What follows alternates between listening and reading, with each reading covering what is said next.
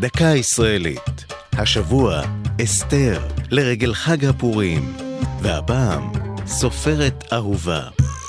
זה חמישה עשורים ניצבים על מדפי ספרים בחדריהם של בני נוער רבים, ספריה של אסתר שטרייט וורצל.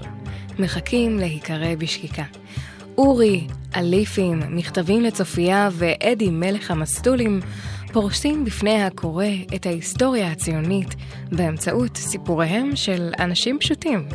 המוכר בגיבוריה הוא אורי, נער שובב הגדל במושבה עברית בשנות ה-40.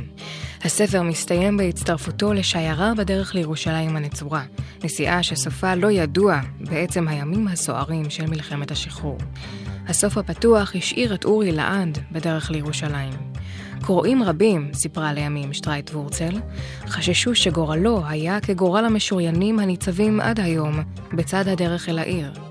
אבל אורי לא יכול למות, שכן הוא נשאר בנפשם של אינספור קוראים. לצד אורי מתארים ספרי הנערים שבאו מרקע קשה, ומנסים בכל כוחם להימלט מאלימות, עבריינות וסמים, לעתים ללא הצלחה. כך באליפים, העוסק בנערים בשנתם הראשונה בפנימייה חקלאית. אסתר שטרייט וורצל, ילידת פתח תקווה, הלכה לעולמה לפני תשע שנים, בגיל 81. זו הייתה דקה ישראלית על אסתר וסופרת אהובה. כתבה יובל שילר, ייעוץ הפרופסור מירי ברוך, עורך ליאור פרידמן.